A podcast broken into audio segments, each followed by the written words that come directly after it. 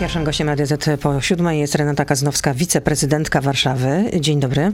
Dzień dobry, witam Państwa. No na początek fundamentalne pytanie, ilu uchodźców mamy już w Warszawie, uchodźców e, z Ukrainy? Właściwie bardziej uchodźczyń chyba jednak i dzieci.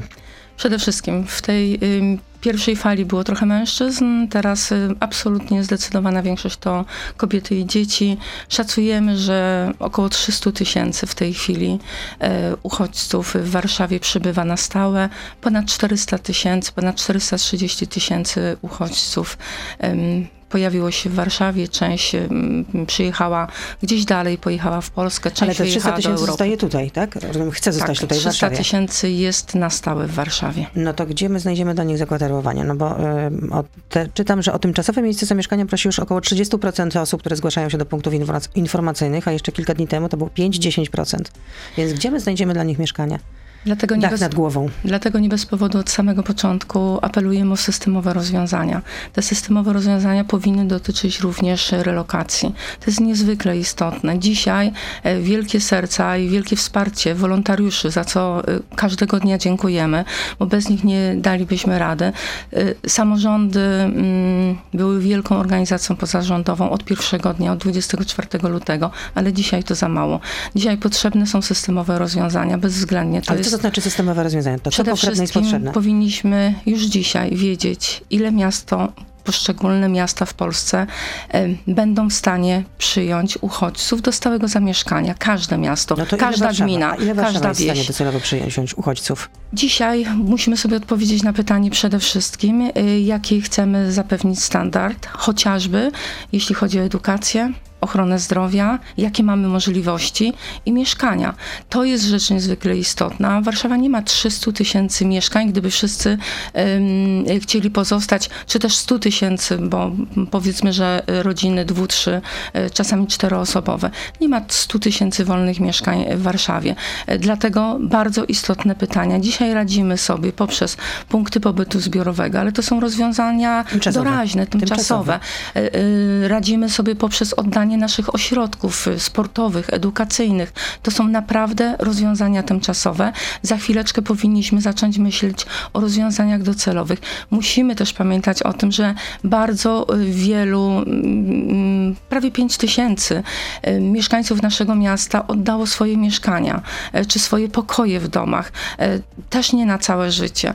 Więc ten problem dopiero przed nami, on będzie wymagał systemowych rozwiązań. Ale pani mówi o relokacji, to ma pani na myśli relokację w ramach Unii Europejskiej, czy relokację w ramach Polski?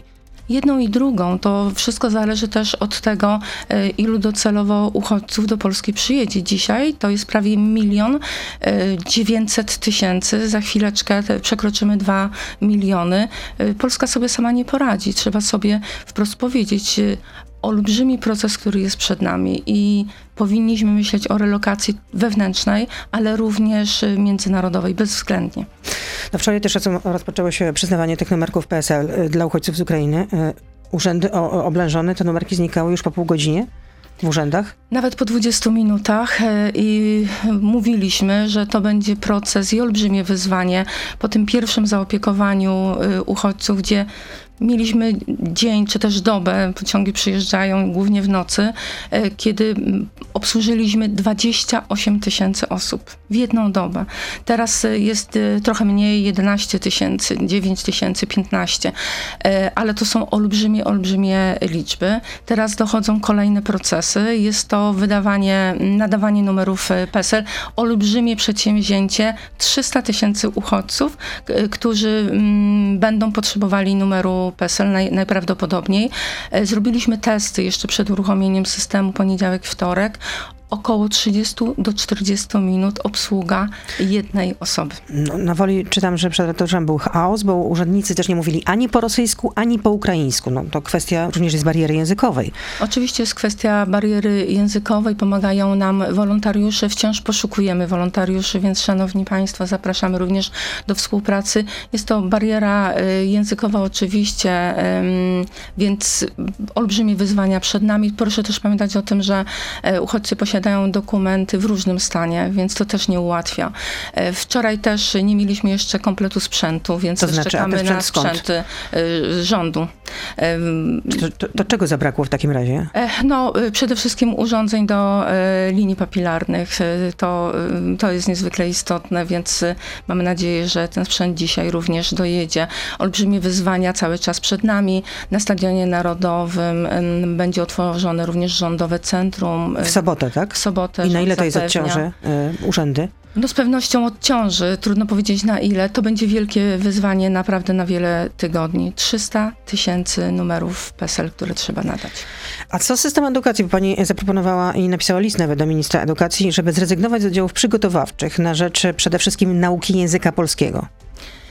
Myśmy wnieśli bardzo dużo uwag jako strona samorządowa po, podczas licznych spotkań Komisji Wspólnej Rządu i Samorządu, również w zakresie edukacji, ale życie przynosi e, nowe wyzwania i za to muszą pójść nowe rozwiązania. E, to po pierwsze. Po drugie, uważam, że przepisy i rozwiązania muszą być naprawdę elastyczne.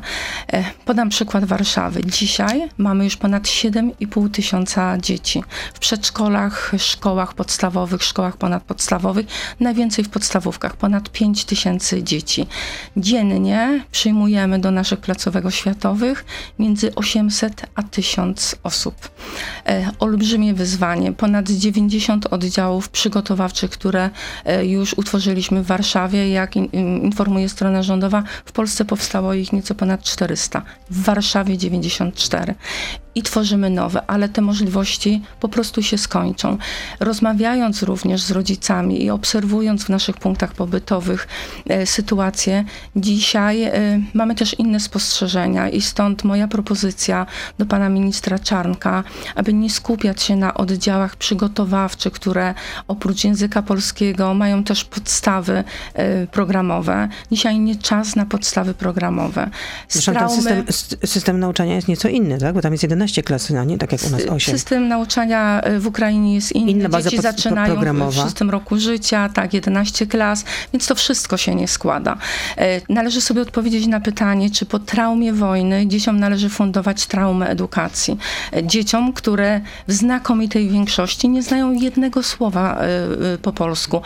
Oddziały przygotowawcze, ale nastawione na li tylko naukę języka polskiego, czyli takie klasy zerowe, po to, aby dzieci mogły uczyć się języka polskiego na przykład przez rok. Tak, z takich rozwiązań korzysta wiele krajów Europy, więc pójdźmy tą drogą, nam byłoby łatwiej wtedy przygotować takie klasy. To jest jedna rzecz. Druga rzecz, w specustawie mamy zapis o tym, że możemy korzystać z innych powierzchni, wynajmować powierzchnie poza placówkami oświatowymi, ale za to musi, za to musi pójść zmiana rozporządzenia o warunkach technicznych e, i sanitarnych e, placówek oświatowych. No tak, nie może to być na zasadzie ahoj przygoda. Nie, nie ahoj przygoda, rozporządzenie musi ulec zmianie.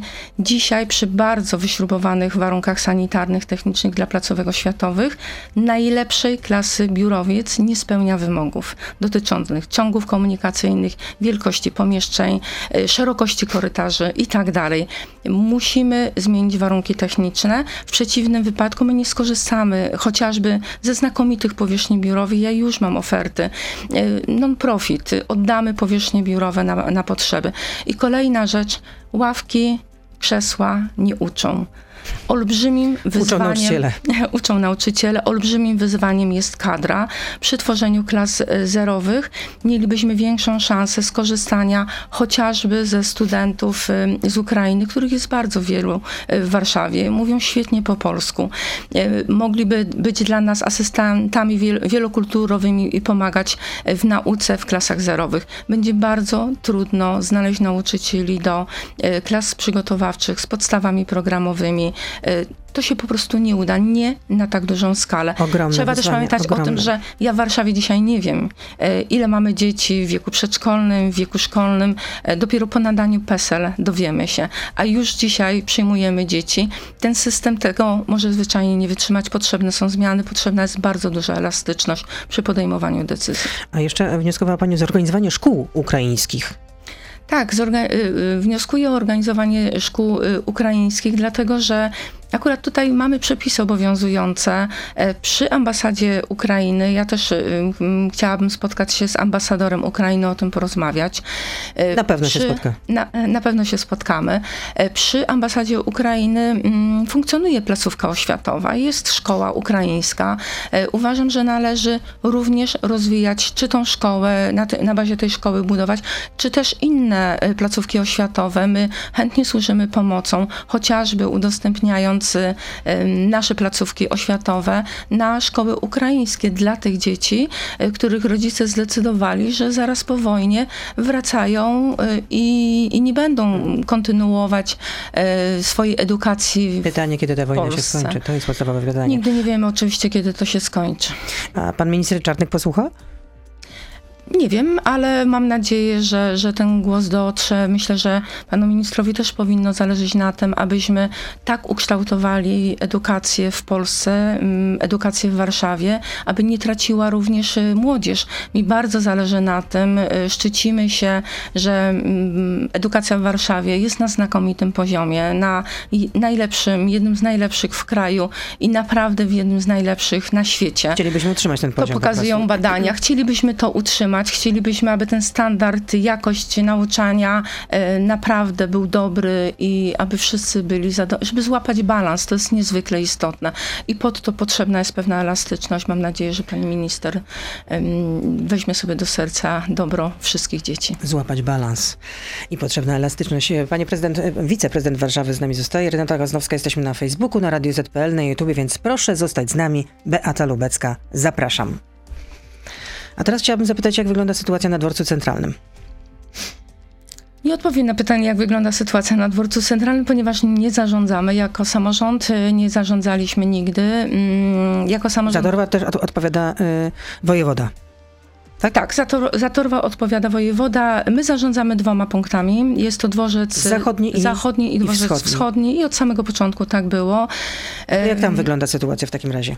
Radzimy sobie. Nie powiem, że jest łatwo. Wielka pomoc, wielkie wsparcie wolontariuszy, e, ale staramy się przede wszystkim od samego początku zaopiekować każdego uchodźcę, a to zaopiekowanie sprowadza się do wręcz podania butelki wody ciepłej y, y, y, strawy, herbaty, olbrzymia pomoc wolontariuszy. A czy tam na tych dworcach również ludzie śpią? Przez, mm, Bywa z tym bardzo różnie, e, szczególnie jeśli chodzi o dworzec zachodni, ponieważ nie, aczkolwiek teraz to się też bardzo mocno zmienia. Ta pierwsza fala, którą mieliśmy, e, sporo osób zostawała na dworcu, bo na przykład czekała na pociąg, który miał przyjechać za kilka bądź kilkanaście godzin.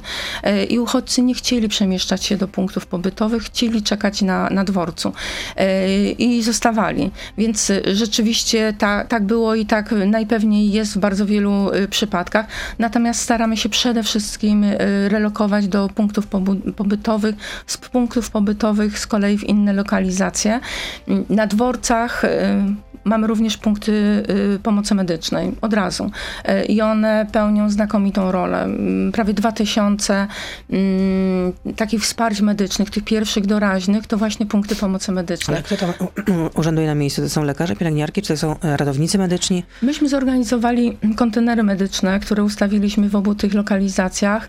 E, naszym filarem są przede wszystkim ratownicy medyczne, medyczni Straży Miejskiej, ale również lekarze i pielęgniarki e, i również pracujący w formule wolontariatu, za co e, bardzo, bardzo dziękuję. Ta pomoc jest bardzo potrzebna, przede wszystkim jeśli chodzi o dzieci. Przyjeżdżają chore, potrzebne są środki przeciwbólowe, przeciwzapalne, e, syrop na kaszel, pierwsze opatrunki i to wszystko dzieje się już w tych punktach na, na dworcach. Drugie punkty medyczne zorganizowaliśmy w punktach pobytu zbiorowego.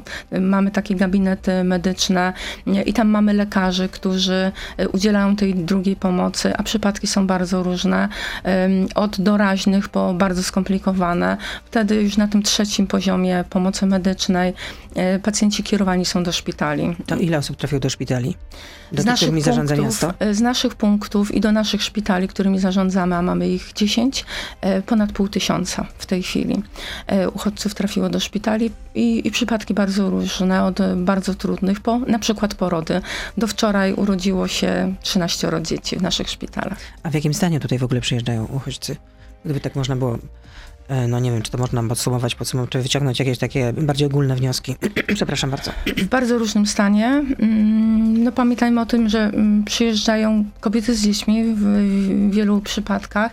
E, i tutaj sytuacja jest dosyć stabilna, aczkolwiek sporo dzieci choruje, e, przy czym są to przede wszystkim przeziębienia i tego typu choroby. Mamy trochę osób starszych i, i tutaj oczywiście sporo problemów. I problemów jest, problemy są przeróżne. Od pacjentów, którzy są w trakcie dializ na przykład i musimy bardzo szybko organizować im pomoc, po pacjentów onkologicznych, więc przypadki są bardzo, bardzo różne i, i często interweniujemy o, w środku nocy, bo pojawia się problem na przykład no, y, obrazowo e, amputacji nogi. Naprawdę przeróżne przypadki, od y, lekkich po bardzo, bardzo skomplikowane. Ale służba, służba zdrowia ogólnie daje radę? Tak, dzisiaj, y, dzisiaj dajemy radę i wbrew pozorom, przy tej olbrzymiej masie uchodźców, którzy bądź to byli w Warszawie lub już się tutaj na stałe zatrzymali, e, Dzisiaj y, ochrona zdrowia daje radę. To nie jest duża liczba, tak jak powiedziałam, nieco ponad pół tysiąca, e, z czego też nie wszyscy wymagali hospitalizacji. A co będzie ze szczepieniami na COVID-19? Właśnie. E, ja, ja bardzo nie żałuję, mówię generalnie, ja ale bardzo... trzeba, trzeba wspomnieć, że jednak poziom wyszczepienia na COVID-19 w Ukrainie był jeszcze niższy niż u nas. No, był dużo niższy, z tego co słyszymy, to około 35%. No takie są oficjalne statystyki. Takie są oficjalne statystyki i też pamiętajmy, że to wyszczepienie w dużej mierze to była chińska szczepionka, to była rosyjska szczepionka, więc y, odporność y, też pytanie, jaka jest nawet tych y, zaszczepionych. Mm, więc mm, bardzo dobre pytanie. My dzisiaj decyzją ministra Niedzielskiego od 1 kwietnia mamy wygaszoną pandemię w Polsce rozporządzenie, które zostało już podpisane, mówi o likwidacji wszystkich oddziałów covidowych i w Polsce mm, oficjalnie pandemii już nie ma.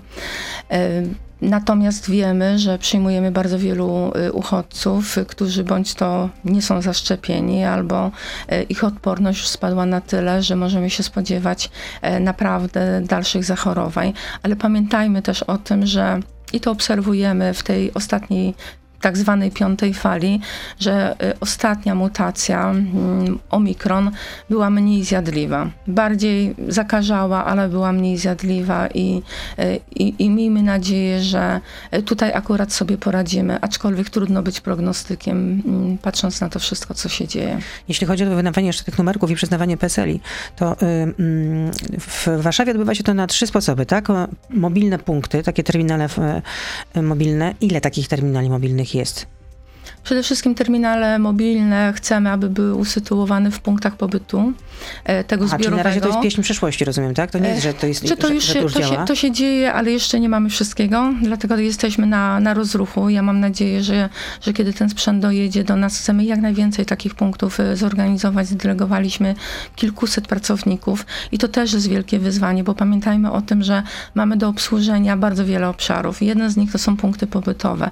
Biuro Pomocy e, Społecznej, społecznej, y, ośrodki pomocy społecznej zaangażowane w organizowanie punktów pobytowych. I oczywiście, tak jak powiedziałam, wielka y, rola wolontariuszy, zaangażowane dzielnice y, we wszystkich tych miejscach, gdzie punkty pobytowe nasze zostały zorganizowane, a mamy ich ponad 20. Czyli gdyby nie wolontariusze, po prostu wszystko by leżało, powiedzmy sobie wprost. I samorządy. I samorządy, tak. Więc, więc chcemy organizować w punktach pobytu zbiorowego, to po pierwsze.